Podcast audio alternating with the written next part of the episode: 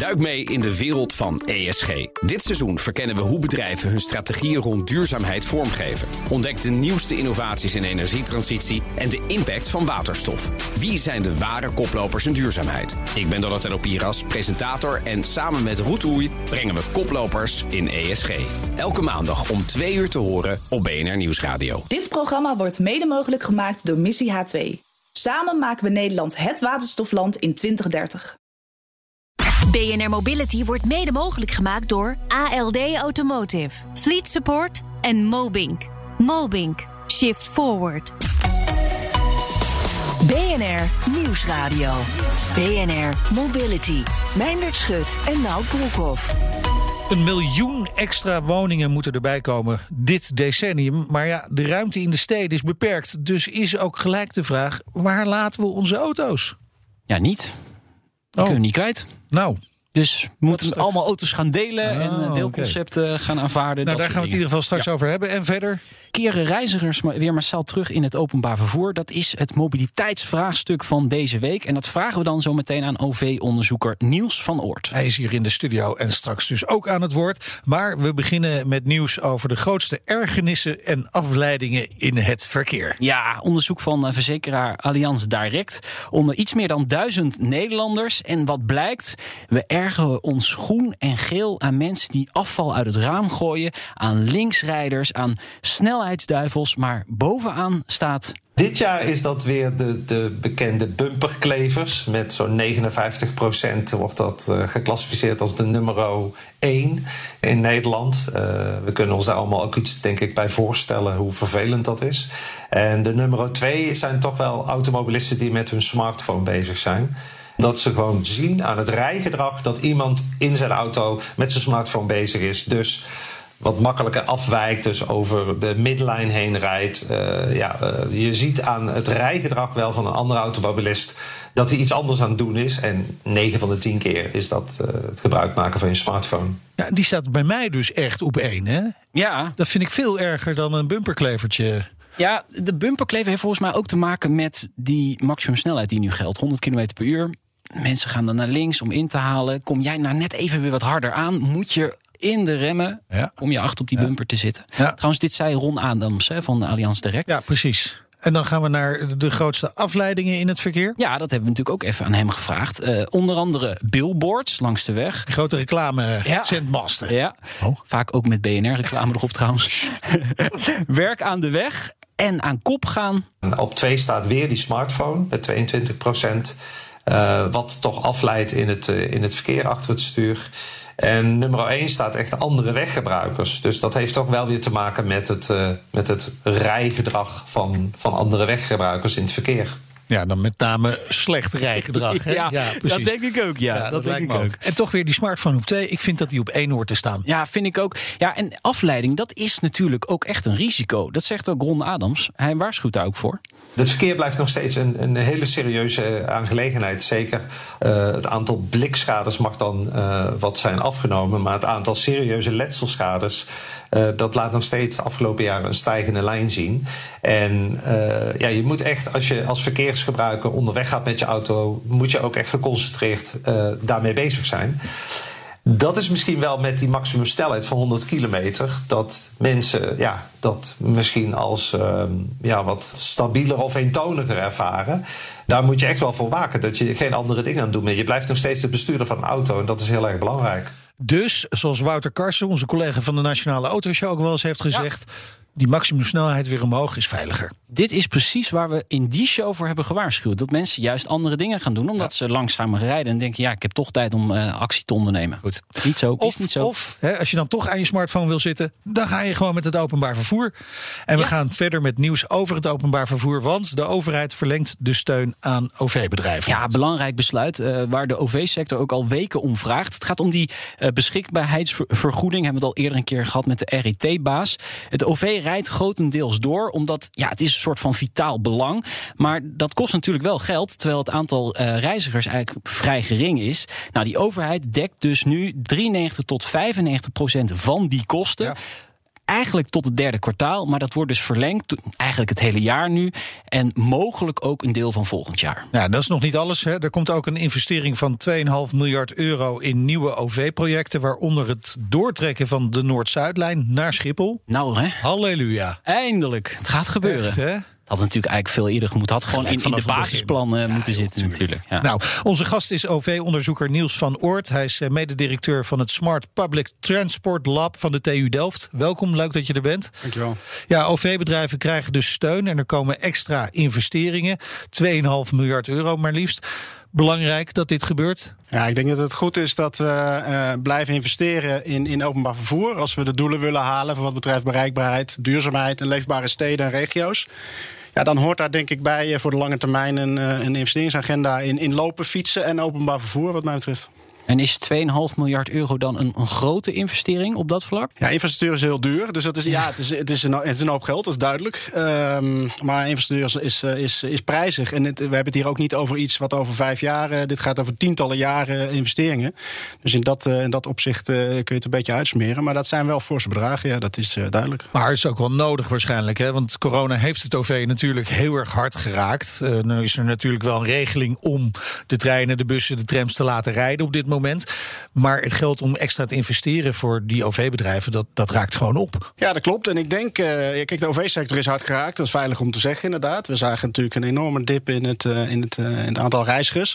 Terwijl de OV-sector eigenlijk voor corona klaar stond voor de grote uitdagingen. We zien grote woningbouwopgaves in onze steden en regio. En nogmaals, als je dat op een leefbare, duurzame manier wil doen, dan denk ik dat OV een belangrijk onderdeel is van de oplossing. dus dan zou het, mij betreft, ook zonde zijn om nu te laten lopen voor deze crisis.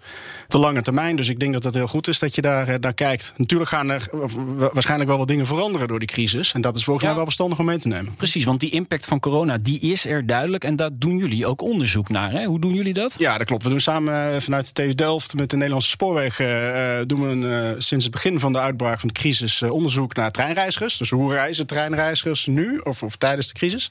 en hoe verwachten ze dat te gaan doen na de crisis? En de, daarmee krijgen we waardevolle inzichten in het, in het reisgedrag na corona. Want dat is natuurlijk de million dollar question ja. uh, of answer.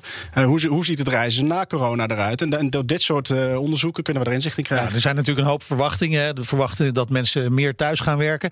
Maar, maar eerst even maar naar de coronacrisis zelf, die periode. Want hoe, hoe zien jullie het gedrag van de OV-reiziger zich ontwikkelen? Ja, dat is een goede vraag. Het is ook wat, wat mij betreft dit, dit onderzoek uniek maakt. dat is smullen voor ons als onderzoekers, ondanks dat de aanleiding natuurlijk vrij droevig is. Hebben op meerdere momenten tijdens de crisis hebben we de pijlstok uh, erin gestoken. En we zien dat met name in de eerste fase, uh, ja, niet blinde paniek, maar dan zag je wel een, uh, op, op, op advies van de overheid overigens ook niet meer reizen of minimaal reizen, een enorme dip. En we zagen dat eigenlijk vanaf april tot aan de zomer en september zagen dat weer langzaam toenemen. Zowel het gebruik als ook het vertrouwen in reizen per openbaar vervoer. En toen kwam in september kwam de volgende dip weer en toen zag je het weer terugvallen. Maar je zag het minder ver terugvallen dan dat het okay. begon. Dus je ziet wel dat mensen op enige manier een plek hebben gegeven. Je ziet wel dat we zijn getraind met z'n allen in thuiswerken, zeker voor kantoorbanen. En dat is denk ik wel tot op zekere hoogte een, een blijver na de crisis. Ja, tot op zekere hoogte. Want welke inzichten hebben jullie daarop vergaard dan? Nou, we zijn aan het kijken inderdaad van hoe bevalt dat thuiswerken. Nou, daar heeft iedereen zijn eigen be, uh, anekdotes uh, bij en zijn eigen ja, Positief en negatief. inderdaad. Ja. Ik ben zelf niet per se heel enthousiast. Maar het gros van onze, de mensen die we hebben onderzocht, de treinreizigers zijn dat wel. Ja. 75% is en dat is wel meer dan de, de, de, de landelijke bevolking, om het zo maar te zeggen. Uh, en we hebben verder doorgekeken. En, en wanneer willen we nu gaan thuiswerken? Want we zagen een aantal mensen zich al rijk rekenen. Nou, als iedereen gaat thuisrekenen, hebben we geen spitsen meer, we hebben daar geen files meer, geen volle treinen. Ja, ik vrees maar, dat dat niet maar, helaas het ja, goede nieuws is. Uh, ja. Want we zien wel dat als we vragen dan wanneer en hoe vaak wil je thuiswerken, dat mensen aangeven, nou, ik wil niet meer fulltime thuiswerken zoals we nu doen. Ik wil misschien één of twee dagen thuiswerken. En dat zullen toch vooral de vrijdag en de woensdag ja. gaan worden. En okay. dat waren nou net niet de drukste dagen. Dus nee, als we daar een beweging in kunnen creëren... dan liever mensen die naar kantoor gaan op woensdag en vrijdag. ja. ja. of het onderwijs. Hè. De 20, 25 procent van de spitsreizigers... dat zijn uh, studenten of, of, of, scholieren. Dus daar kunnen we misschien ook wel oh, wat ja. in bewegen. Want ik, ik, denk dat wij nu als reiziger, ik zelf dus ook... Uh, we hebben nu laten zien dat we flexibel zijn en dat we het kunnen. Er is niemand meer die kan zeggen... ik weet niet hoe Teams werkt nee. of Zoom. Uh, laat nu aan de andere kant, en dat gebeurt gelukkig ook, dus onderwijsinstellingen, werkgevers, het faciliteren om het ook uh, en, en, en, om nog even een tip voor ouders: op die andere dagen gaan de kinderen veel langer naar school. Dus je hebt veel meer tijd voor jezelf. Ja, alleen je laat wel de vrijmibo uh, schieten dan, hè? aan het eind van de week op vrijdag. Als je niet meer komt. Ja, precies. Dus op vrijdag gewoon naar, naar je werk Dan komen. dus toch, ja. Brengt ons allemaal bij... Het mobiliteitsvraagstuk van de week. En dat is deze week... Reizigers keren massaal terug in het OV. Nou, Niels, eens of oneens? Nou, als wetenschapper heb ik moeite met uh, eens of oneens. Maar ik zeg, ik zeg eens. De vraag is okay. alleen wanneer. En, en, en uh, wanneer in de komende periode, de komende jaren. En anderzijds ook wanneer, gewoon letterlijk in tijd. Als we de spits wat kunnen afvlakken. Ja. Uh, er zijn, er zijn OV-systemen waar voertuigen ingezet worden om één ritje in de ochtendspits te maken. En daarna de rest van de dag stilstaan.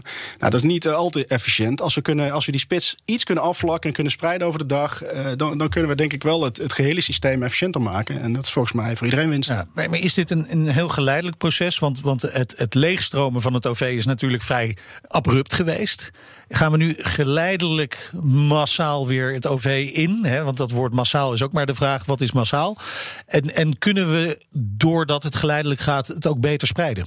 Ja, ik denk dat dat zo is. Uh, het hangt heel erg af wat, wat er gaat gebeuren aan het, het, het, het, versoepelen van de maatregelen. Dat is denk ik belangrijk. Uh, mondkapjes wel of niet. Vaccins bij wie wel of niet. Dus dat geven ook de reizigers aan in onze onderzoeken. Van waarom reis je nu niet of minder met het OV? Dan zijn het ook vaak oorzaken. Niet alleen omdat mensen het zelf niet prettig zouden vinden. Maar ook omdat het niet mag of dat het beperkt wordt.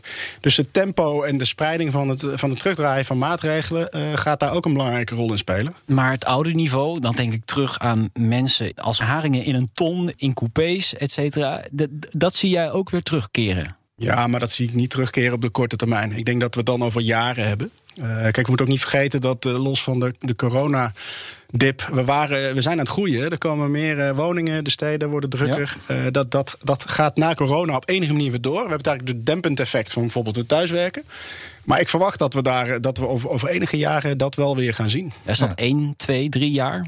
Nou, eerder het laatste dan het eerste. Ja, toch, het, toch nog wel zo lang en, nodig. En NS geeft zelf aan dat ze verwachten in 2024, 2025 weer terug op het uh, oude niveau te zitten. Spreiding wordt heel belangrijk hè, om, om te zorgen dat je over de dag heen en over de week heen die mensen door het openbaar vervoer heen kunt verspreiden. We hadden het net over spreiding over dagen. Dat mensen dan toch de woensdag en de vrijdag thuis willen werken. Het is heel begrijpelijk, maar niet handig. Maar ze kunnen natuurlijk ook spreiden op de dag. Dat je gewoon wat later begint. Is, komt dat ook terug in jullie onderzoek? Ja, dat zag je ook al. Uh, dat mensen. Kijk, mensen reizen ook niet graag in een, in een, als haring in een ton. Nee. Überhaupt niet. Hè? Ook nee, niet voor corona. Nee. Dus als er manieren zijn om dat te voorkomen, dan zullen die aangegrepen worden. En we zagen dat er helemaal in het begin in onze metingen ook. dat ongeveer 30% van de, van de reizigers ook aangaf van ja, ik wil spits gaan mijden. Ja. En misschien moet ik mijn eerste afspraak in de ochtend of mijn eerste college uh, online doen. En dan kan ik daarna uh, in beweging komen. Kun je niet ook met prijseffecten werken? Dat je bijvoorbeeld de spits duurder maakt dan de rest van de dag? Ja, dat zijn, dat zijn wel bekende uh, middelen. We hebben natuurlijk de, de, de, dalurenkaart van de Nederlandse spoorwegen. Die bestond al. Maar je zou ook nog kunnen, je zou kunnen kijken naar wat meer flexibele abonnementen. Je kunt ook kijken naar hoe je studenten verleidt. al dan niet. Met de studentenkaart, met geldigheid of niet. Dat zijn gevoelige thema's overigens. Maar dat, ik denk dat we nu wel het moment hebben om alles uit de kast te halen. Om te kijken, oké, wat, wat kan er? Alles is bespreekbaar. want nu is het moment volgens mij om zaken te doen als het gaat om spreiden. Ja, maar, maar is dat zo? Is alles bespreekbaar? Staan de OV-bedrijven de OV-sector, staat die daarvoor open? Ik denk dat iedereen daar wel voor open staat om nu te onderzoeken. En wat ik net al zei, als we het, ja. kunnen, als we het goed kunnen spreiden, dan kunnen we het systeem efficiënter maken. En ik denk dat uiteindelijk iedereen daarmee gewonnen is. Ja, efficiënter, maar ook flexibeler dus uiteindelijk. Want, want bijvoorbeeld die dienstregelingen, dat zie je nu. Hè, nu is 90% van de dienstregeling is nog gaande vanwege het vitale belang. Kun je daar niet iets mee? Dat je die, die dienstregeling wat flexibeler maakt? Ja, dat is een goed ja. punt. Dat, is, uh, dat staat hoog op onze onderzoeksagenda ook. Dat stond er overigens ook al op. Heel veel dingen worden versneld door corona. Het is niet dat er nu ineens nieuwe dingen per se ontstaan. Maar er zijn zaken die nu versneld worden. Waaronder het ontwerp van flexibele dienstregeling. Want dienstregelingen zijn vrij star inderdaad. Zeker bij het spoor. Uh, worden ver van tevoren ook al uh, vastgesteld um, en, en ontworpen. En we, we, gaan ook kijken hoe kun je dat wat meer flexibiliseren. En ook systemen wat meer flexibiliseren. Het is, het is zelfs jaarlijks een nieuwsitem. Hè, als er de ja. nieuwe dienstregeling van de NS uitkomt. Ja, dan krijg je zelfs in de app krijg je een, een pushbericht. Ja, ja, de nieuwe ja. dienstregeling is uit. zich daarover buigen. Of het een goede dienstregeling is. En welke voordelen en nadelen het heeft. Ja, dat is wel dat is, is een soort traditie. Ja, dat is een, een mooi moment in december altijd. Omdat uh, komt dat weer uit. Ja. Dit, hier gaan jullie onderzoek naar doen. Ja, je willen we graag. Dat deden we al. Maar nogmaals, het wordt nu versterkt. De aandacht is nu uh, is, is, enorm toegenomen. En daardoor zijn dingen die misschien voorheen niet konden of niet, uh, niet wilden of wat dan ook, zijn, uh, zijn nu wel bereikbaar geworden. En met name nogmaals, omdat we nu dat thuiswerken dat en, en thuisschool. Ja, je ziet natuurlijk een enorme opkomst in allerlei platforms afgelopen jaar. We hadden het net over een borrel. Je kan ook borrelen tegenwoordig virtueel.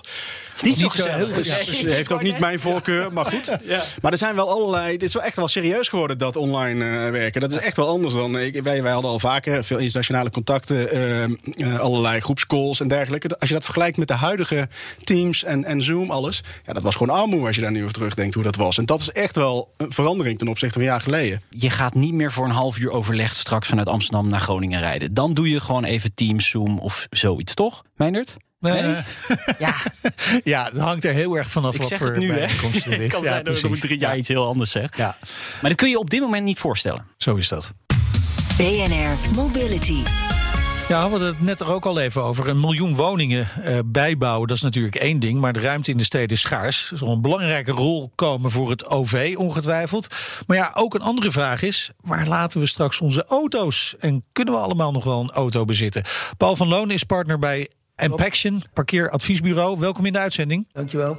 Jullie hebben samen met uh, de TU Eindhoven onderzocht wat we met die auto's moeten doen hè, en hoe we de ruimte in de steden moeten gaan benutten samen met CROW. Wat hebben jullie precies gedaan? Wij, uh, wij hebben onderzocht de vraag onder welke omstandigheden iemand bereid is te verhuizen naar een binnenstedelijke omgeving zonder zijn eigen auto mee te nemen. Nou, niet. nou, dat klopt. Er is een percentage wat zegt... Uh, onder al die omstandigheden die je noemt... ben ik niet bereid om zonder auto te komen. En gelukkig, als er maar genoeg zijn die wel kiezen om zonder auto te komen... is er ook ruimte voor die mensen die wel met een auto willen komen. Precies, want hoe zijn die verhoudingen dan? Uit het onderzoek blijkt dat als de omstandigheden ideaal zijn, en daar moeten we het dan over hebben, dat uiteindelijk van de hele populatie 70% van de mensen aangeeft bereid te zijn te verhuizen naar een binnenstad zonder een eigen auto mee te nemen. Is dat een vraag op papier? Want als je dat op papier vraagt, ja, ja misschien wil ik dat ook wel overwegen, maar dan doe ik dat in de praktijk niet. Nou, op papier is het online, hè? dus ja. het is virtueel papier. Uh, en het is een, een, natuurlijk is het een gedachte-experiment. Ja, okay. Maar uh, aan de andere kant zijn natuurlijk ook mensen die die de andere kant op redeneren, die denken: nee, ik doe het niet. En als ze zien hoe goed het werkt, het alsnog doen. Dus het, het is wel degelijk een goede indicatie van de bereidheid van bepaalde doelgroepen. Want de ene doelgroep is meer bereid dan de ander om uiteindelijk te verhuizen. En verhuizen is ook een heel belangrijk moment natuurlijk, naar een omgeving. Belangrijk is, iedereen snapt wel dat uh, bij het station een belangrijk element is. Iedereen snapt dat een goede fietsinfrastructuur daarin belangrijk is. Maar wat het onderzoek vooral aantoont, is dat er ook een goed alternatief voor de eigen auto moet zijn als auto. Ja. Is er ook een verschil? Hè? Er zijn persoonskenmerken. nou, het riep gelijk al nee. Nou, je kunt ook van mij verwachten dat ik gelijk nee ga roepen. Maar zijn er ook groepen in de bevolking waarvoor voor wie het logischer is, misschien mensen en juist jongere mensen en wat ertussenin zit, uh, uh, gezinnen met jonge kinderen, dat die daar min, minder, uh, dat minder aantrekkelijk vinden? Zeker, zeker is dat verschillig. Ge geconstateerd is dat hoger opgeleiden aanzienlijk eerder bereid zijn zonder auto te gaan verhuizen dan uh, minder hoogopgeleiden. Je ziet dat mensen onder de 30 min of meer geneigd zijn om geen auto aan te schaffen, misschien wel, dan mensen van boven de 30. Ja. Dus er zijn heel veel factoren die daarvan die, die invloed hebben op, op dit percentage. Dus dat is voor iedereen uiteindelijk natuurlijk verschillend. Maar uiteindelijk moeten die woningen er natuurlijk wel bij komen in de steden. Dus wat, wat moet er nou precies gebeuren om dat in goede banen te leiden? Nou, wat, wat, wat dus belangrijk is, is ervoor te zorgen dat je als binnenstad een aantrekkelijke propositie hebt voor mensen die niet dagelijks een auto nodig hebben. En dat er een goed alternatief komt. En een goed alternatief wil zeggen een hoogwaardig aanbod en betaalbaar aanbod van deelauto's. En dat betekent onder andere dat die deelauto dichtbij moet staan. Dat betekent dat uh, ik nooit mis moet grijpen. Dat ik, als ik een auto nodig heb, dat erin staat. En dat ik keuze heb. Dat het niet altijd een, een klein elektrisch autootje is, maar dat het ook een stationcar kan zijn en anderszins. Dus dat zijn best nog wel wat condities waaraan voldaan moet worden. Voordat mensen bereid zijn, en dan niet iedereen, u niet, maar voldoende mensen bereid zijn om te verhuizen naar een binnenstad en die eigen auto niet mee te nemen. Dat, dat lijkt me nog wel iets wat praktisch echt heel ingewikkeld gaat worden. hè. We, we hebben hier in Amsterdam ook wel van die deelauto's. En wanneer zijn ze niet beschikbaar als het regent? Ja. Namelijk. Of in het weekend, als je je net even nodig hebt Ja, om naar de bouwmarkt te gaan. Zeker, dus we moeten slimmer dan de, dat we tot nu toe doen. Ja. Organiseren dat er meer auto's beschikbaar zijn op het moment dat ze nodig zijn. Ja. Maar dat betekent dus eigenlijk gewoon opschalen.